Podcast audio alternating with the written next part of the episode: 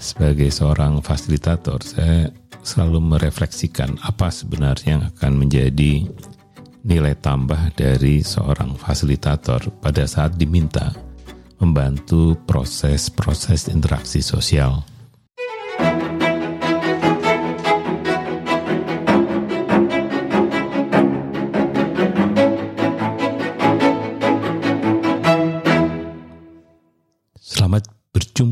Kembali pada Ini Koper edisi yang ke-70. Ini Koper adalah inspirasi untuk komunitas perubahan. Kami berbagi berbagai hal kaitannya dengan bagaimana kita bisa menjadi change maker. Kali ini saya ingin berbagi tentang apa sih sebenarnya esensi dari fasilitasi. Khususnya sebenarnya adalah fasilitasi Vibrant.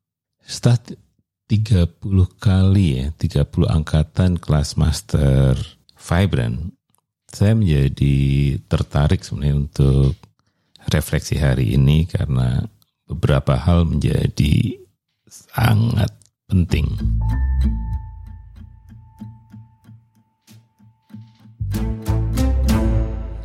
Ya, penting banget karena terus terang saja sebagai seorang fasilitator, saya selalu merefleksikan apa sebenarnya yang akan menjadi nilai tambah dari seorang fasilitator pada saat diminta membantu proses-proses interaksi sosial.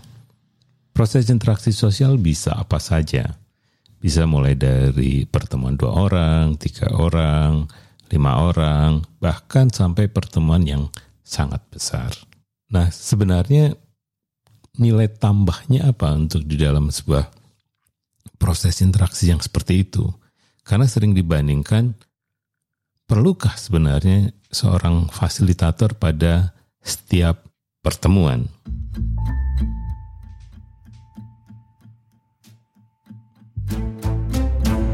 Perlu nggak ya?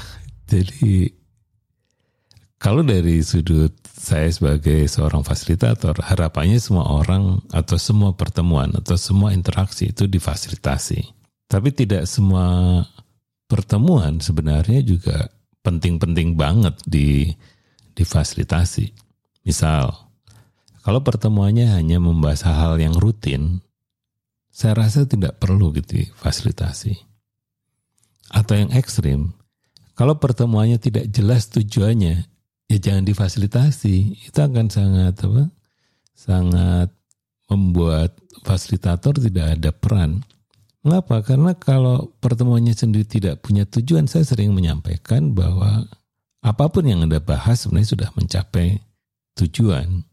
Apa yang dimaksud tujuan? Tujuan adalah output yang ingin dihasilkan pada akhir sebuah pertemuan atau sebuah proses fasilitasi itu harus sangat-sangat jelas. Kalau tidak, itu semua semuanya hanya apa ya improvisasi, ya, improvisasi untuk memuaskan orang-orang yang ada di proses interaksi sosial. Jadi sebenarnya gimana kalau kita diminta orang untuk fasilitasi?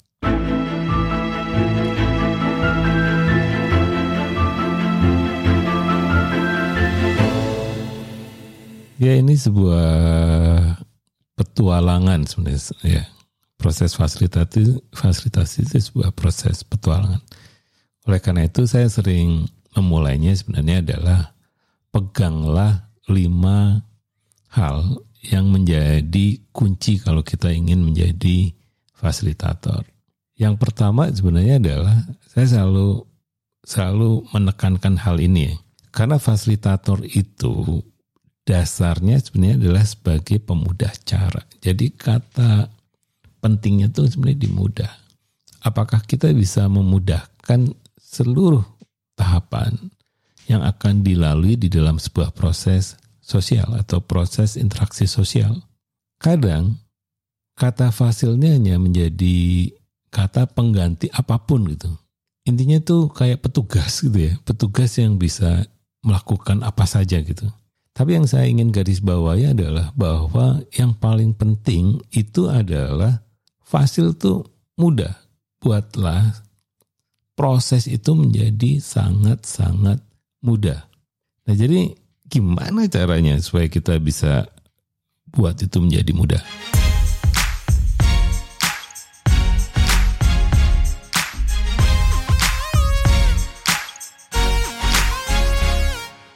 Gampang sebenarnya untuk menjadikan semua itu mudah. Yang pertama memang saya selalu berpikir bahwa yang pertama itu kita jangan masuk ke konten ya. Jadi yang pertama banget itu harusnya kita sebagai fasilitator konten netral. Jangan ada urusannya, ada kepentingan atau ada interest yang mengebu-ngebu ya bahwa kelompok ini harus begini, begini, begini dan sebagainya. Karena esensinya konten itu miliknya para peserta. Oleh karena itu kita sebagai fasilitator dasarnya tuh jangan terlalu jatuh cinta pada konten yang akan dibahas. Bagaimana supaya konten itu menjadi dalam, menjadi bermakna, menjadi keren di dalam percakapan, itu yang menjadi tujuan utama seorang fasilitator. Caranya gimana? Caranya sebenarnya kita harus mengubah konten-konten itu menjadi sebuah pertanyaan.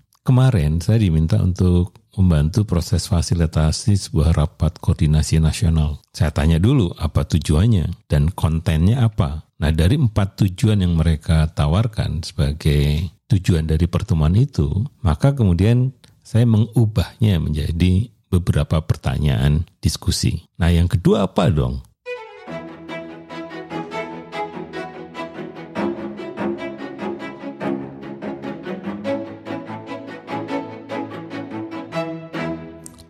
Yang kedua sebenarnya adalah kita harusnya menjadi pemandu proses. Ini yang sering membedakan pertemuan yang terfasilitasi dan pertemuan yang tidak terfasilitasi. Pertemuan yang terfasilitasi sering disebutkan adalah pertemuan yang punya struktur.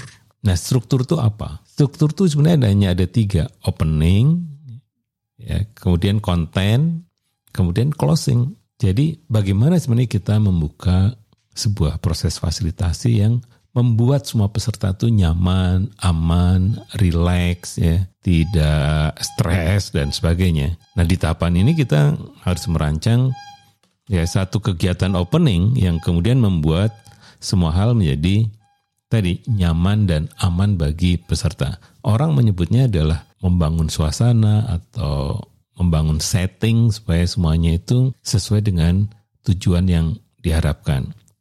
Opening menurut pengalaman saya harus mulai dari hati. Harus mulai dari hal-hal yang sifatnya heart ya, sifatnya rasa, yang sifatnya kreativitas, yang yang sifatnya sebenarnya fun, playful dan dan sebagainya.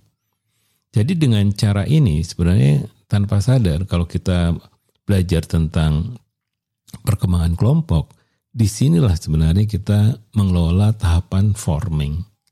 Karena mereka baru terbentuk, mereka saling asing, baru tahu ini dari mana dan sebagainya. Nah, proses ini harus diubah menjadi proses yang informing, informing dengan cara-cara yang kreatif. Nah, yang ketiga apa dong?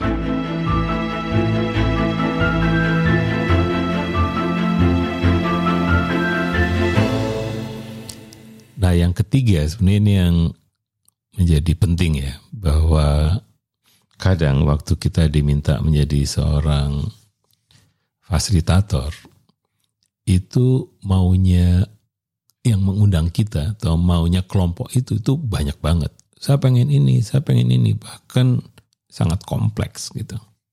Nah, oleh karena itu kadang membayangkan bahwa hal-hal yang kompleks hal-hal yang serius itu harus dibahasnya dengan cara-cara yang serius.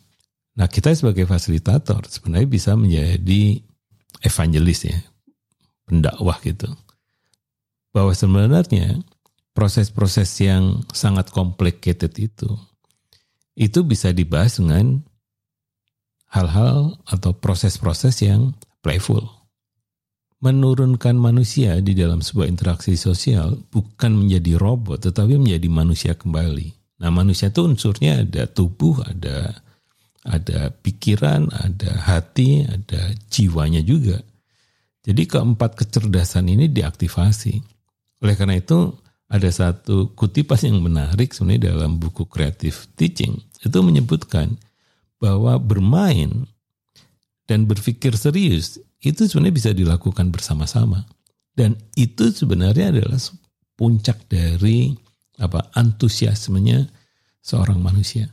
Dengan proses educator ini, sebenarnya kita mendidik ya banyak orang untuk bahwa hal-hal serius itu bisa dibahas dengan hal-hal yang sangat menarik, bukan hal-hal yang membosankan. Sama kemarin saya ada dua klien yang menginginkan itu karena mereka merasa bahwa selama ini rapat-rapat koordinasi nasional itu ya hanya diisi oleh para pembicara dari pusat dan semua peserta diam, kadang pertanyaan hanya satu dua dan setelah itu pulang. Nah akibatnya pertemuan-pertemuan seperti ini dalam konteks Indonesia itu sangat-sangat mahal. Mengapa kalau hanya seperti itu tidak menggunakan Zoom misalnya? Kenapa harus ketemu di sebuah kota? Itu menjadi catatan penting. Nah di sinilah penting bagi fasilitator untuk sadar bahwa antara tujuan dan proses itu butuh waktu komprominya adalah kalau memang tujuannya detail ya waktunya lebih panjang atau metodenya lebih rumit.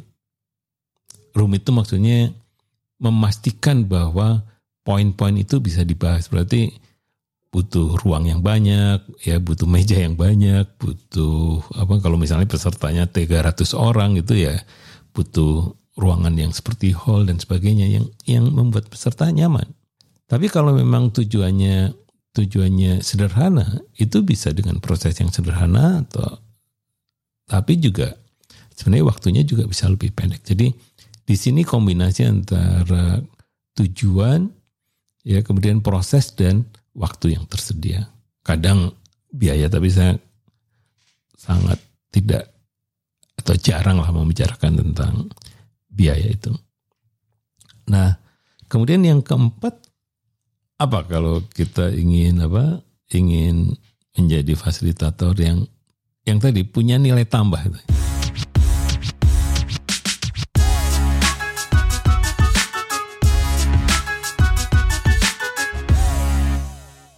Yang keempat sebenarnya adalah kita seorang fasilitator bisa ya ini saya garis bawahi bisa menjadi challenger atau menantang. Menantang apa?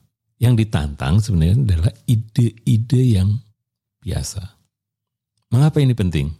Karena begini ya, di dalam konteks Indonesia orang kadang suka mencari kompromi, suka hal-hal yang sebenarnya tidak menyusahkan di dalam proses pengambilan keputusan.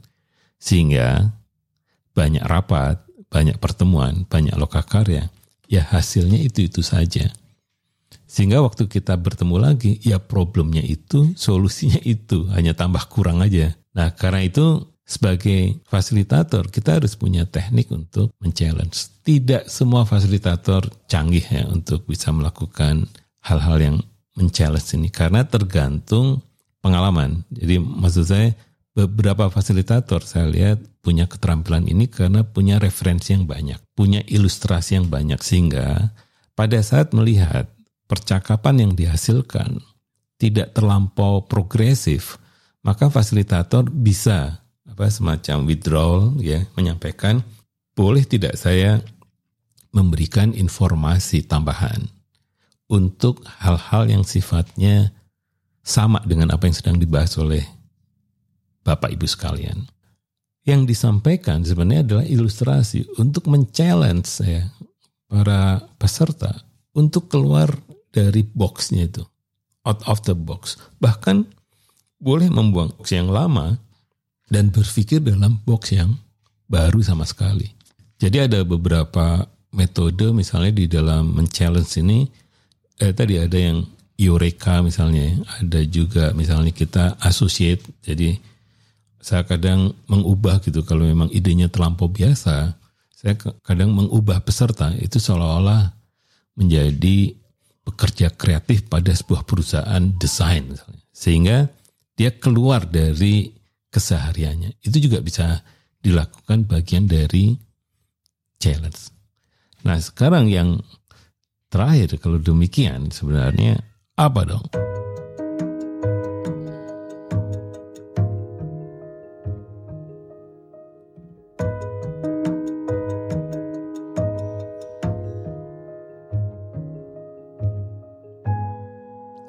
Nah, yang kelima, orang menyebutkannya adalah fasilitator.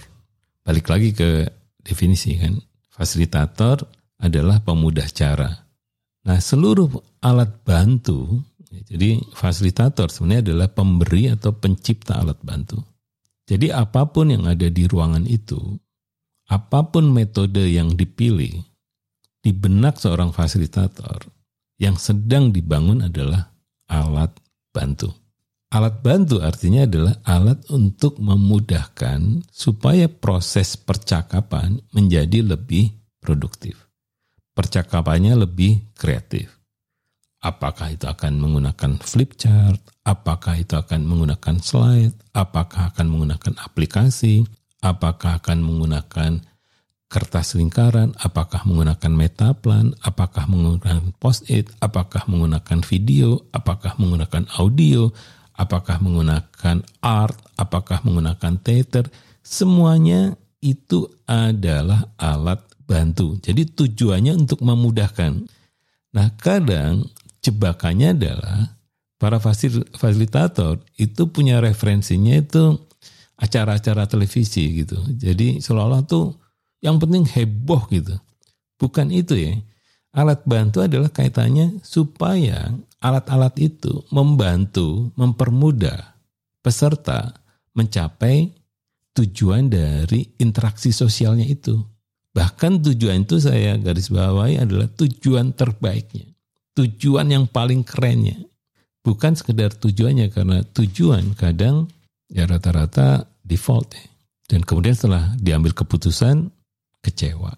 Demikianlah ini koper edisi yang ke-70, inspirasi untuk komunitas perubahan. Kami percaya apa pun pengetahuan, keterampilan yang dibagi itu sangat bermanfaat bagi komunitas perubahan. Sampai jumpa pada edisi berikutnya.